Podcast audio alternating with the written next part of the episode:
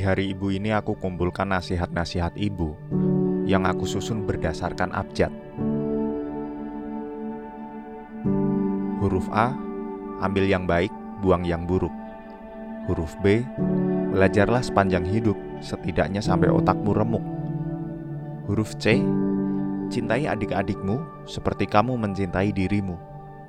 Huruf D, diam itu emas, kecuali kalau kamu sedang ditindas. Huruf E, entah berapa banyak persimpangan yang kamu lewati dalam hidup, tetaplah berada di jalan yang lurus. Huruf F, fakir dan miskin adalah golongan pertama yang harus kamu bantu.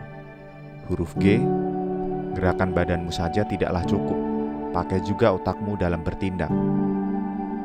Huruf H, hari esok tidak akan lebih baik dari hari ini kalau kamu tidak membuat perubahan.